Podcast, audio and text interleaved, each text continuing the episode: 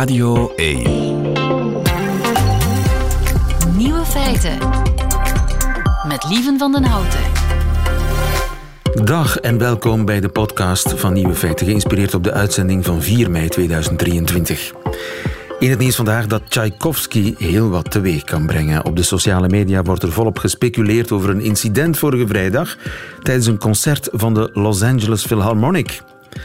Op het programma staat de vijfde symfonie van Tchaikovsky en tijdens de tweede beweging gebeurt er dit.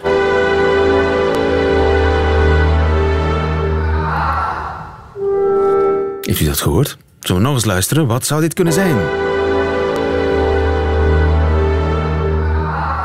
Sommige mensen zeggen dat de vrouw was ingedommeld en plots wakker schrok. Anderen beweren dat het een medisch probleem was of een spin die plotseling opdook.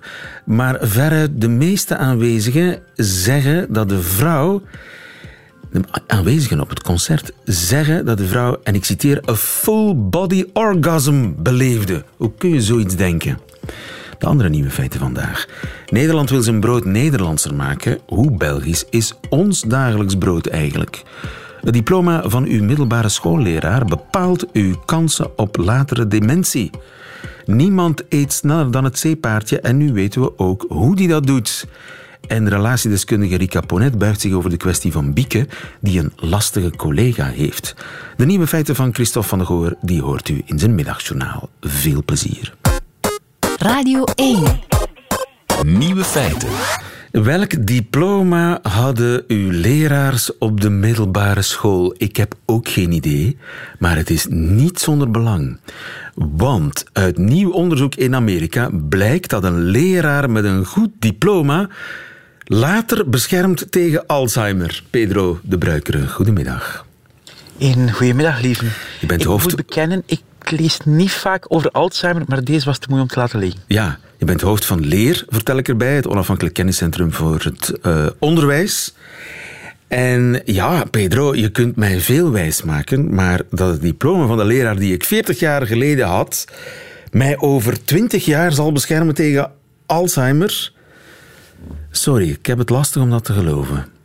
Wel, dat was ook mijn eerste reactie toen ik het onderzoek las. Maar eh, men heeft iets, iets heel uitzonderlijks kunnen doen.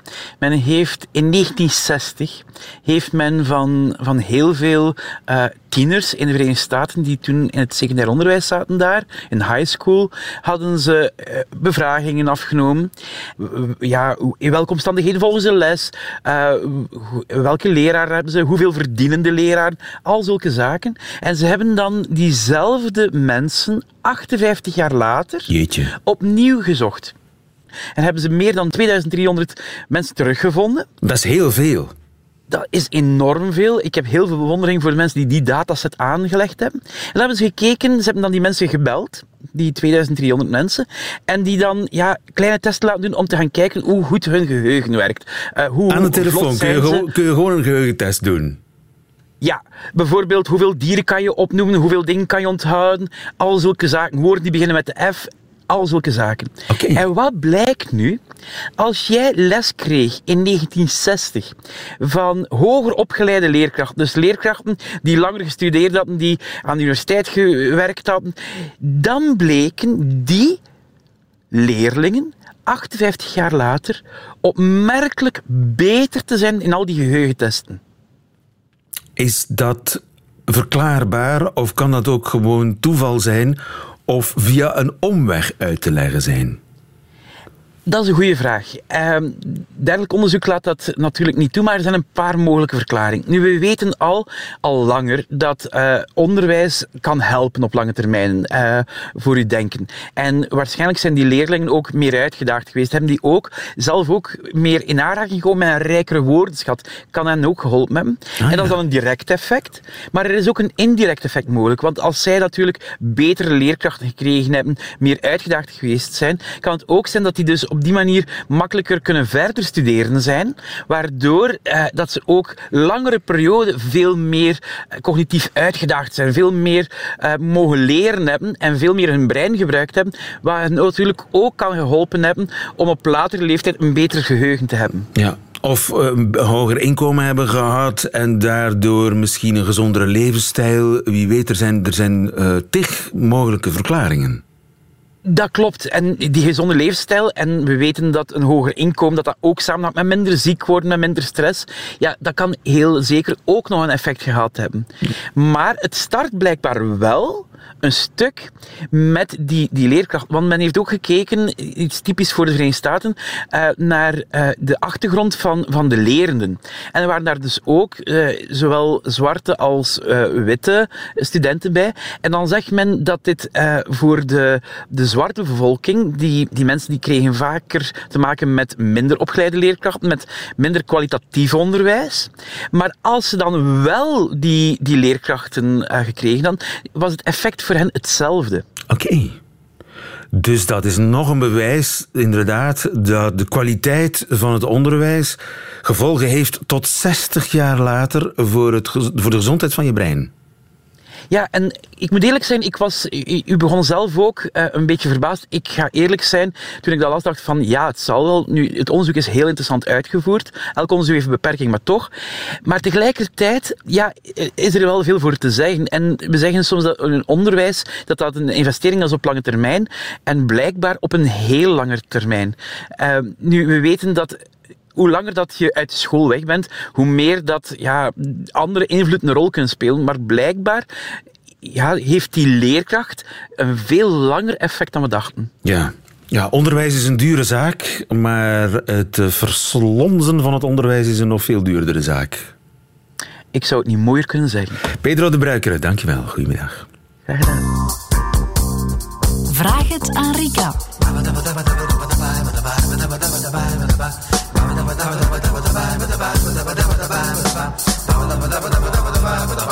Een goedemiddag, Rika Ponet. Hallo. Welkom in Nieuwe Feiten. Uh, er is post voor jou. Mm Dat zal je niet verbazen. Nee. Tientallen brieven krijgen wij per week. Ik pik er eentje uit. Het is een brief van Bieke. Mm Bieke schrijft: Beste Rika, ken je dat ook? Zo'n collega die het bloed onder je nagels kan vandaan halen. Ik heb er namelijk zo eentje. We werken inmiddels anderhalf jaar samen in een opleiding die we samen hebben opgestart. In het begin ging de samenwerking goed, maar met de tijd merkte ik dat ze heel veel energie van me eiste en me volledig leegzoog. Onlangs heeft ze dan ook toegegeven dat ze heel onzeker is en naar bevestiging zoekt. Om mezelf staande te houden ben ik steeds meer afstand van haar gaan nemen en zelfs wat gaan negeren. Intussen heeft ze een andere collega op school in haar klauwen, waarmee ze samen diverse uitstapjes organiseert zonder mij in te lichten en dan sta ik voor een lege klas. Is tot tweemaal toe gebeurd. Enkele maanden geleden is het tot een gesprek gekomen met die collega en twee leden van de directie, maar dat heeft niets opgeleverd. Er zijn afspraken gemaakt, onder andere dat ze mijn les niet meer zal binnenvallen, maar ze blijft het nog steeds doen. Wat mij het meeste stoort is dat ik haar herhaaldelijk betrap op leugens en op het maken van olifanten van muggen. Dit om haar zin te krijgen of om zichzelf in een beter daglicht te zetten. Ze wil zich ook steeds in de belangstelling werken door grootse projecten op te zetten, terwijl ik het liever low profile houd. Mensen aan wie ik het verhaal vertel zeggen dat het om jaloezie gaat, dat ze jaloers is dat ik zo goed met de cursisten kan omgaan en zij niet.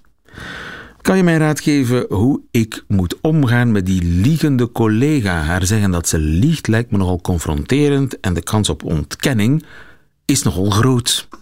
Mm. Bieke, bieke, bieke. Hoe ga jij om met lastige collega's? Ik, ik heb geen lastige collega's. Oh, er zijn alleen maar uh, leuke. hele leuke, leuke mensen en hele leuke mensen, mensen, op de okay. VRT. Goed. Um, ja, ik denk dat wordt wel eens gezegd hè, dat er toch um, een paar manieren zijn om om te gaan met lastige mensen op het werk. Een hele radicale is uw biezen pakken, hè, weggaan. Er zijn mensen die dat doen, hè, dat het zodanig de spuigaten uitloopt. Soms kan het zeggen, verstandig zijn. Soms kan het verstandig zijn van effectief te zeggen, hier stop ik mee. Hè. Ik Ja. zoek uh, elders werk.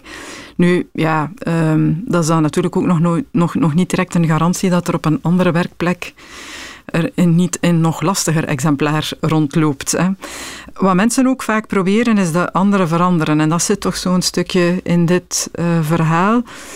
Nu, ik denk dat we allemaal ook beseffen, als we daar goed op doordenken, dat dat een onbegonnen zaak is. En mensen veranderen je niet. En je maakt van wat zij dan noemt een leugenaar niet iemand die ineens dat helemaal gaat aanpassen. Waarom?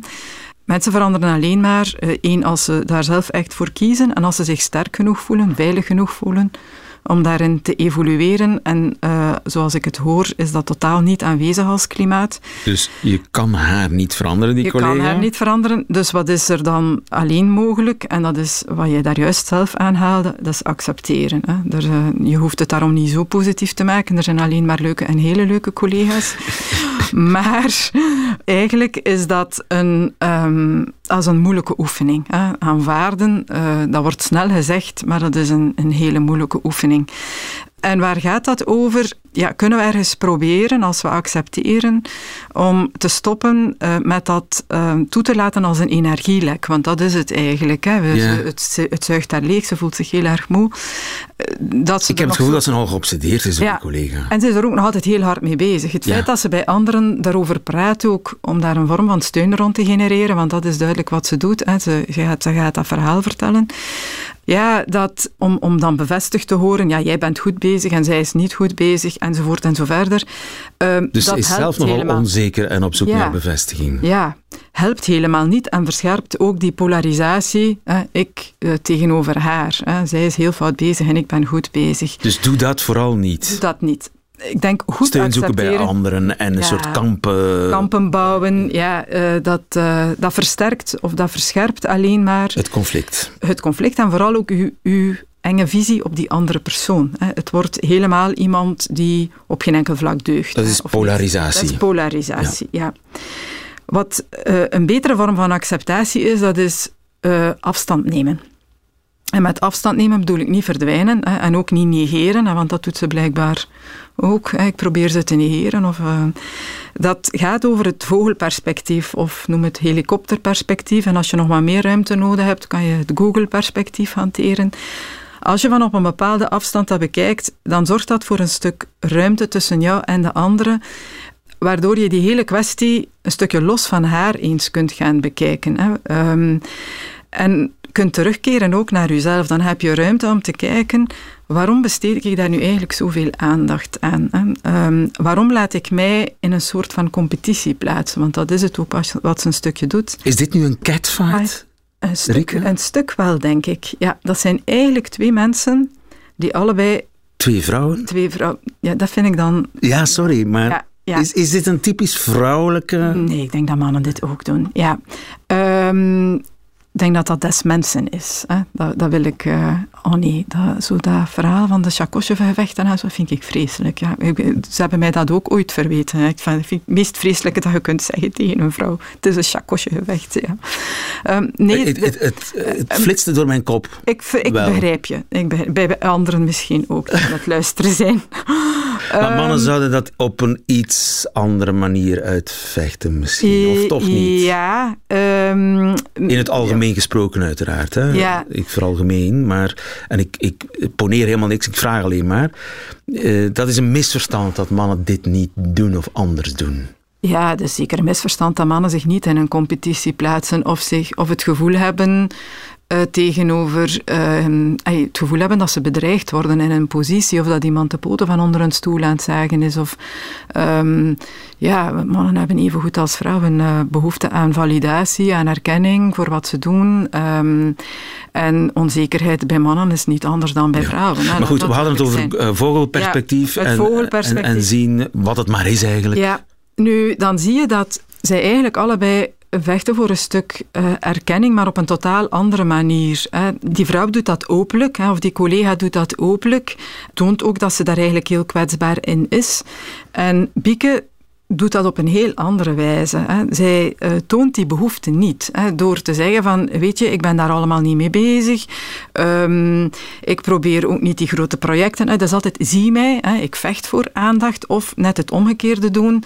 Um, ik ben low ik profile. Hoop, ik ben low profile. En eigenlijk zie mij low profile zijn. Zie, zie, mij low profile zijn. En ik hoop op die manier hè, dat mensen mij zien vanuit datgene wat ik doe, wat ik um, uh, ja, niet zo openlijk uh, die, die erkenning opzoeken. Aan beide kanten zit er een angst voor afwijzing. De ene gaat daarmee om door de afwijzing te bevechten, door zichzelf in de picture te werken. En de andere gaat ermee om door zich heel ver uit uh, dat terrein van die mogelijke afwijzing te houden. Heel low profile te blijven. Maar de, het verlangen naar validatie zit er, um, uh, zit er ja. uh, eigenlijk even goed. Dus vriendinnen gaan het nooit worden? Nee. Maar ja, ze hebben zelf elk hun eigen klas waar ze voor staan, of hun cursisten. Ja. Dus dan ja. zou ik mij daarop concentreren. Ja, in eerste instantie ook durven erkennen dat er bij jezelf ook een behoefte is aan erkenning. Hè, dat je daar op de een of andere manier ook mee bezig bent. Waardoor je ook makkelijker met mildheid vanuit dat vogelperspectief of vanuit dat Google-perspectief uh, kunt zien van eigenlijk is ze ook maar hè, op zoek naar een vorm van bevestiging vanuit haar onzekerheid. Ook belangrijk voor Bieke is, haal jezelf uit dat contact. Hè. Zorg dat die afstand er mentaal een stukje blijft, waardoor dat je dichter bij jezelf kunt blijven, meer kunt aarden. En wat dan de hele concrete situaties betreft, dat binnenvallen in de klas en zo, Uiteraard is het belangrijk van te begrenzen. Hè. Doe dat op een zachte manier, maar op een duidelijke manier. En niet één keer, maar telkens als het gebeurt. Hè. Mensen denken vaak, ze is de klas binnengevallen, we hebben het al eens besproken op een, een, een vergadering. Um, grenzen worden niet gerespecteerd omdat je ze één keer aangeeft. Grenzen worden gerespecteerd omdat ze een aantal keer vaak na elkaar duidelijk gesteld geweest zijn. Waardoor dat zij ook voelt, het is echt een grens. Die grens wordt echt ook bewaakt, aangegeven en het is altijd opnieuw weer diezelfde, um, diezelfde grens. En wat ik ook nog een interessante vind, want dat was eigenlijk een stukje haar over dat liegen. Waarom liegen mensen? Hè? Je kunt ervan uitgaan, mensen zijn slecht. Dat is zo niet. Hè? Dat je kan dat een beetje vergelijken met de reden waarom dat kinderen liegen. Kinderen liegen niet omdat ze stout zijn of slecht zijn. Maar eigenlijk ja, liegen die altijd omdat die enorm angst hebben om afgewezen te worden, om in een conflict situatie uh, te belanden, uh, niet geaccepteerd te worden. Uh, men wil eigenlijk vooral de pijn van de afwijzing niet moeten doorstaan, niet moeten ondergaan. Als je dat zo bekijkt, als je aan het liegen is, dan denk ik dat je ook bij jezelf een vorm van mededogen kunt ontwikkelen van het is eigenlijk spijtig dat iemand dat nodig heeft om zich zo te profileren, om dat te doen vanuit de onzekerheid die er leeft. En misschien kom je dan ooit op een moment toch ja, tot een vermogen om die persoon wat te bevestigen van, uh, weet je, ik ben heel blij dat jij mijn collega bent, of ik vind dat jij dat goed gedaan hebt. Hè. Um, Stel je voor, ja, zeg. Stel ja, dat je daar geraakt. Um, dat je dat iemand kunt geven, want ja. daar gaat dat over. Ja. En, en zien wat het effect daarvan. Maar je moet het, het wel menen is. natuurlijk. Je kunt je het moet, niet... Absoluut, je moet dat menen. Maar dan voel je ook dat je in plaats van je te verliezen in zo'n uh, competitie of in zo'n strijd uh, om aandacht, om bevestiging, om ik ben goed bezig, ja, dan voel je effectief dat je in zo'n relatie, ook al is dat niet direct je vriendin of zal dat ook nooit je vriendin worden, maar dat je toch eigenlijk heel veel krachtige tools hebt om daar goed mee om te gaan. Dat is het eigenlijk, ja. Ik hoop dat we Bieke geholpen hebben. Als er nog mensen zijn met vragen voor Rika, die zijn natuurlijk bijzonder welkom op Nieuwe Feiten radio1.be. Tot volgende week. Graag. Rika Ponet. Nieuwe Feiten.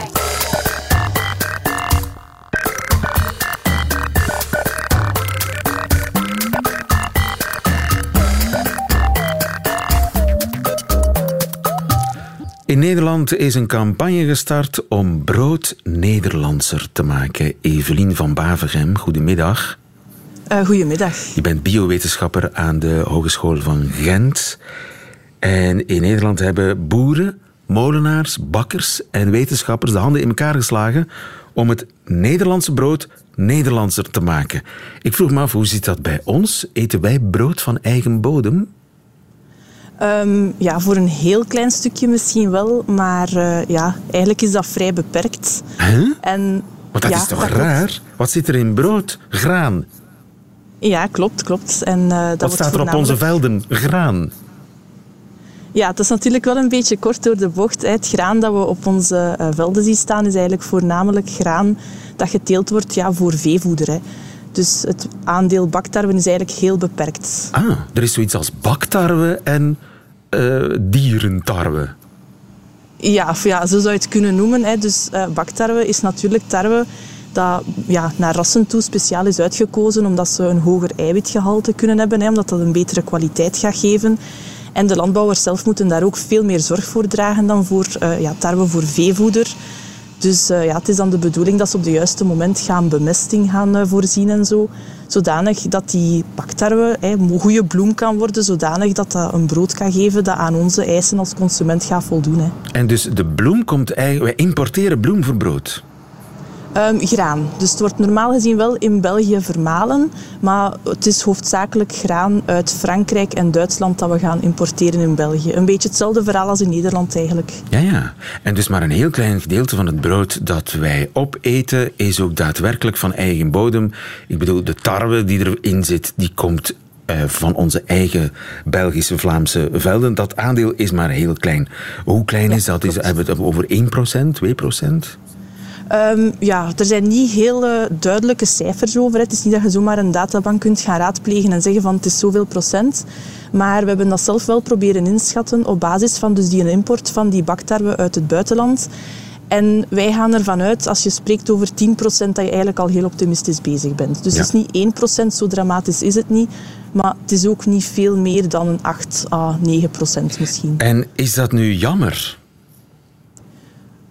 Ja, het mag toch altijd wel meer Belgisch zijn, denk ik. Het is, het is echt mogelijk om in België heel goede kwalitatieve baktarwe te gaan telen. De kennis is er ook wel aanwezig. Dus ja, het zou natuurlijk wel altijd iets meer mogen zijn. Hè. Maar dat betekent dus dat onze boeren het eigenlijk economisch interessanter vinden om eh diervoertarwe, als ik het zo mag dopen, eh, te telen dan eh, baktarwe. Het zijn natuurlijk nu heel speciale tijden. Hè. We hebben corona achter de rug. Er zijn dan de grondstofcrisissen, hè, de stikstofcrisis en zo. Dus nu liggen de kaarten natuurlijk weer helemaal anders. Maar enkele jaren geleden was dat zeker en vast het geval dat het voor landbouwers interessanter was om eigenlijk gewoon ja, hun tarwe te gaan verkopen als veevoeder dan als baktarwe. Omdat die kosten natuurlijk, hè, als je daar extra zorg moet voor dragen, moet je daar extra ja, tijd in steken, extra zorg in steken, extra middelen in steken. Dus die kosten liepen al gauw heel erg op, dat ze eigenlijk ja, er bijna economisch niet meer aan uit konden, of soms gewoon echt niet aan uit konden, om hun tarwe als baktarwe te gaan verkopen. Ja. Natuurlijk, nu zijn die prijzen ook weer gigantisch gestegen hè, en dat evolueert ook van dag tot dag. Dus ja, nu is dat verhaal al iets interessanter geworden. Maar natuurlijk, ja, het is makkelijker als je het gewoon als veevoeder kan gaan verkopen en je moet er niet extra bemesting gaan voorzien of zo. hè. Nu, die Franse en Duitse boeren die kunnen het wel. Waarom is dat? Is dat, is dat omdat hun, hun eh, dat ze op veel grotere schaal werken? Je hebt daar stukken Ja. land die veel, veel groter zijn. Ja, eigenlijk komt het daar ook inderdaad op neer. Die hebben veel meer areaal en veel meer oppervlakte waar dat ze kunnen van gebruik maken. En hier ja, zijn de stukken grond natuurlijk beperkt. Dus we moeten daar ook intensiever ja, op gaan bewerken en zo. Dus inderdaad, ja, daar komt het exact En dus op eh, baktarwe is gewoon tarwe met meer eiwitten in. Waarom, wa- waarom moeten daar meer eiwitten in zitten? Dat is voor die eh, befaamde gluten hè, waar mensen het veel over hebben. Dus ehm, ja, we moeten eigenlijk ervoor gaan zorgen dat er voldoende eiwitten in onze tarwe zitten, maar ook voldoende kwalitatieve eiwitten. Dus het aantal is op zich niet doorslaggevend. Echt de kwaliteit is heel belangrijk. En die eiwitten gaan dan eigenlijk het glutennetwerk gaan vormen. En dat zorgt ervoor dat wij een mooie bol deeg kunnen maken die lucht gaat vasthouden, hè, zodanig dat wij als consument een mooi, luchtig, opgekomen brood kunnen Ja, eten. en niet ja, ja. een, de- een klein deegklompje, bij wijze van spreken. Het zorgt voor de luchtigheid, de elasticiteit van het deeg en van het brood. Inderdaad. Ja, inderdaad. Maar dus in Nederland is er een campagne om alsnog eh, ja, dat eigen tarwe te kweken, zeg maar. Hè. Dat zou in België ook wel kunnen. Eh, ja, dus wij hebben met onze onderzoeksteam, hè, dus eh, van Hoogent Agrofood Nature, hebben wij van 2019 tot 2022 eigenlijk ook al een eigen project gedaan. Dat was Lokaal Brood. En daarin hebben wij die verschillende facetten, zoals dat ze nu ook in Nederland aan het doen zijn, ook onderzocht. Dus vanuit een wetenschappelijk perspectief, maar ook samen met landbouwers, maalderijen, bakkers en de consumenten uiteraard niet te vergeten. Hè. Ehm, en we hebben eigenlijk die verschillende aspecten van de keten gaan ja, onderzoeken. Langs de ene kant technisch, hè, hoe moet je baktarwe telen, um, wat kan je gaan doen met je deeg. Maar anderzijds ook, ja, hoe moet je een samenwerking gaan ja, faciliteren eigenlijk. En je hebt boeren gevonden die willen meewerken? Zeker, zeker, zeker. Ja, er was oh ja. Ja, toch wel wat interesse, ja. En dus dat brood is er op dit moment? Um, wij hebben toen, zo ja, in 2020, hebben wij eigenlijk zelf vier initiatieven opgestart. Die bestaan vandaag niet meer allemaal. Hè. Ons onderzoek is ook al een jaar afgelopen. Maar er zijn zeker nog broden van toen die nu op de markt hè, verkrijgbaar zijn. Die samenwerkingen bestaan nog. En uit ons onderzoek is ook ja, een nieuw project voortgekomen. Dat is Rodelandbrood. Dus de inwoners van Melle, Merelbeke, het uh, land van Rode. Die kunnen echt hun eigen uh, ja, lokale brood van hun eigen streek echt bij de bakker daar gaan kopen. Ja, en als het in het land van Rode kan, dan moet het elders ook kunnen. Brood ja, van uh, eigen bodem. Dat ja. zou mooi zijn, toch? Evelien van Baverem van Hogeschool Gent, dankjewel. Goedemiddag. Ja, graag gedaan.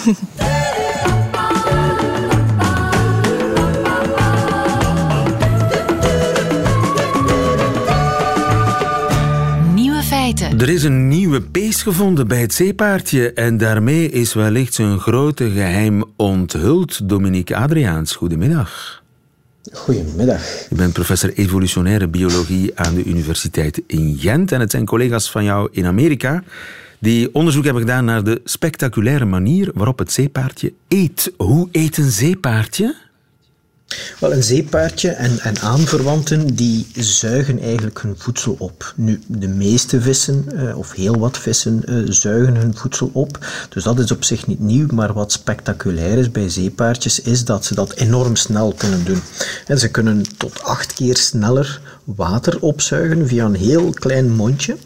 Um, waardoor dat ze dus ook op een fractie van een seconde een, een, prooi kunnen gaan opzuigen. En dat kunnen ze doen omdat er twee pezen zitten in hun kop, die eigenlijk die kop helemaal opspannen zonder dat er iets gebeurt. Dus ze beginnen dat al op te spannen voordat hij eigenlijk begint met een prooi op te zuigen. En dan wordt alles ineens losgelaten. En dus dat zeepaardje zwemt onder zijn prooi, laat ja. dan bij wijze van spreken die springveren los waardoor zijn kop eigenlijk achterover kantelt. Ja, dus die kop die kantelt enorm snel en die gaat eigenlijk aan, aan een, een, rotatiesnelheid die tot nu toe nog nooit was waargenomen dat zo snel kan draaien in, in het dierenrijk. Um, en dus die draait vliegensvlug omhoog en op die manier brengt hij dan, want zeepaardjes hebben dikwijls een lange snuit, brengt hij eigenlijk de mondopening vlak bij die prooi en zuigt die prooi dan uh, naar binnen. En dat gebeurt in minder dan 20 milliseconden. Ja, het is zelfs op het, uh, de, de, tijd dat het duurt als eraan beginnen tot het punt dat uh, de mond eigenlijk open is om te beginnen zuigen, is maar 2,5 milliseconden. Dat is dus 2,5 duizendste van een seconde. Dat kan je dus eigenlijk met het blote oog niet zien. Daar heb je al speciale camera's voor nodig die aan hele hoge snelheden beelden registreren om dat dus te kunnen waarnemen. En ze hebben dus die camera's nu gebruikt voor dit onderzoek. Uh, zeepaardje is ook doorzichtig, hè, dacht ik. Dus dat is ook meegenomen. Dat is handig. Ah, wel, wat ze gebruikt hebben, zijn niet echt doorzichtig, omdat zeepaardjes, een van de sterktes van zeepaardjes is dat ze zeer goed gecamoufleerd zijn. Want het zijn heel trage zwemmers, dus ze moeten het niet hebben van heel snel een predator te kunnen ontsnappen, maar ze hebben het wel van de camouflage. Maar wat de techniek die die onderzoekers gebruikt hebben, is waarbij dat eigenlijk een, een vlak aan laserstralen wordt geschenen ter hoogte van, van de kop. En als je daar natuurlijk fel licht opsteekt, dan kan je de prooi door de huid wel zien passeren door uh, de, de, de, mondopening eigenlijk. En dat ze een pees hadden, wist wel, maar nu hebben ze eigenlijk die tweede pees ontdekt en dat springverensysteem. Ja, ze hebben eigenlijk ontdekt dat uh, we wisten al, dat is samen met onderzoek dat we zelf gedaan hebben met een collega uit uh, Antwerpen, dat die spier onderaan ook al opgespannen wordt voordat ze eigenlijk beginnen met zuigen. Wat al deed denken van ja, die, die spier zit daar ook ergens iets al, al klaar te zetten om dan heel snel als een springveer losgelaten te kunnen worden. Maar nu hebben ze dat uh, heel concreet kunnen aantonen en vooral ook kunnen inschatten hoeveel dat, dat bijdraagt tot de snelheid dat ze kunnen roteren, tot het vermogen dat ze kunnen genereren om dus die beweging te gaan doen. En daar hebben ze gezien bijvoorbeeld dat dankzij dat dubbel springveersysteem en dus ook met die uh, nieuwe pace bij manier van spreken, dat ze tot drie keer hoger vermogen kunnen produceren dan wat dat andere vissen van gelijke grootte of, of vooral gelijke mondopening kunnen produceren. En dat is wel zeer uitzonderlijk. Ja, het is een spectaculair beestje, hè, dat zeepaardje. Ja, op, op heel veel vlakken. Hè. Het, is, het is in die zin... Het, het, het zeepaardje zijn natuurlijk meerdere soorten zeepaardjes. Ehm, die zitten allemaal binnen het geslacht Hippocampus. Maar dat geslacht is wel heel speciaal, omdat ja, het is eigenlijk de enige uh, vis die verticaal rondzwemt, maar waarbij dat de kop dan naar beneden geknikt is, vandaar ook het paardachtig uiterlijk. Uh, het het is niet de enige die een grijpstaart heeft. Er zijn er nog een aantal binnen de familie die een grijpstaart hebben. Um, en dan de hele familie, waar die zeepaardjes en zeenaalden en, en zeedraken toe behoren, zijn ook speciaal omdat ze een broedgedrag hebben waarbij dat bij zeenaalden is de eitjes worden aan de buik bij de mannetjes, niet bij de wijfjes. Bij de mannetjes aan de buik gekleefd en die draagt daar zorg voor. En dan onder meer bij zeepaardjes is daar echt een buidel zelfs ontstaan, bij de mannetjes terug, waarin dat de wijfjes de eitjes afleggen, de mannetjes die bevruchten. En de mannetjes zijn dus eigenlijk zwanger gedurende een periode om dan een paar honderd zeepaardjes ineens geboren te laten worden. Respect voor het zeepaardje. Dominique Adriaans, dankjewel. Goedemiddag. Ja, graag gedaan. Goedemiddag. Nieuwe feiten. Radio 1. En daarmee hebben ze allemaal gehad, de nieuwe feiten van 4 mei 2023, behalve die in het leven van Sportza-collega Christophe van de Goor. Dit is zijn middagjournaal. Nieuwe feiten. Middagjournaal.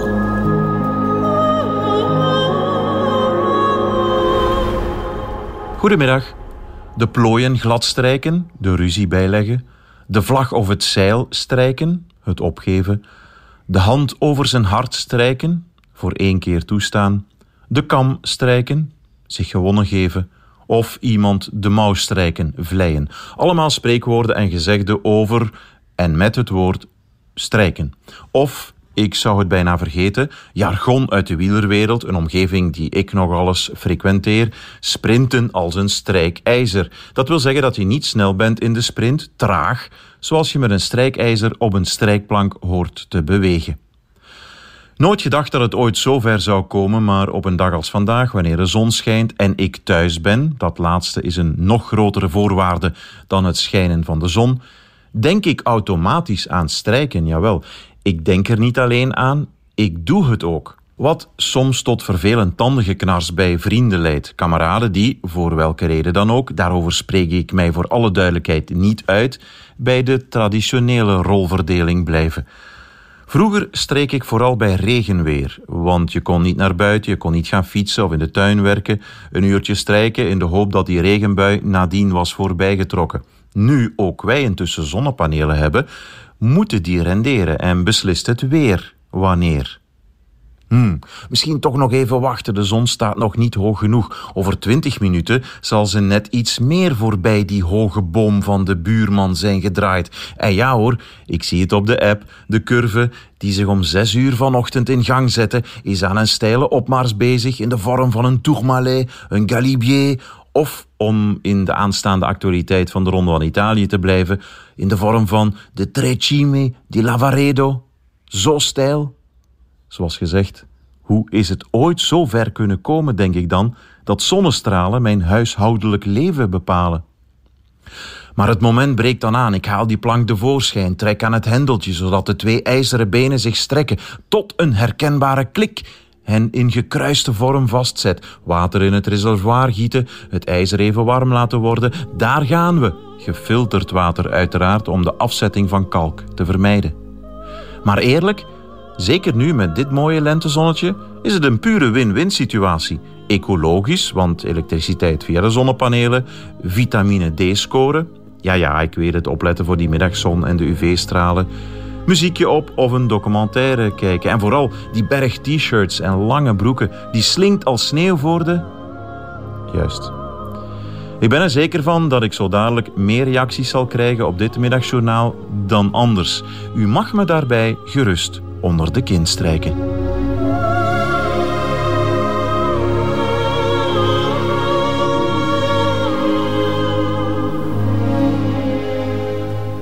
Strijken met Christophe van de Goor, die een wielerwedstrijd becommentarieert. Dat is het NEC Plus Ultra voor mij. Christophe van de Goor in zijn middagjournaal. Meteen het einde van deze podcast. Hoort u liever de volledige uitzending van Nieuwe Feiten. Dat kan natuurlijk elke werkdag live op Radio 1 tussen 12 en 1. Of on demand via de Radio 1 app of website. Tot een volgende keer.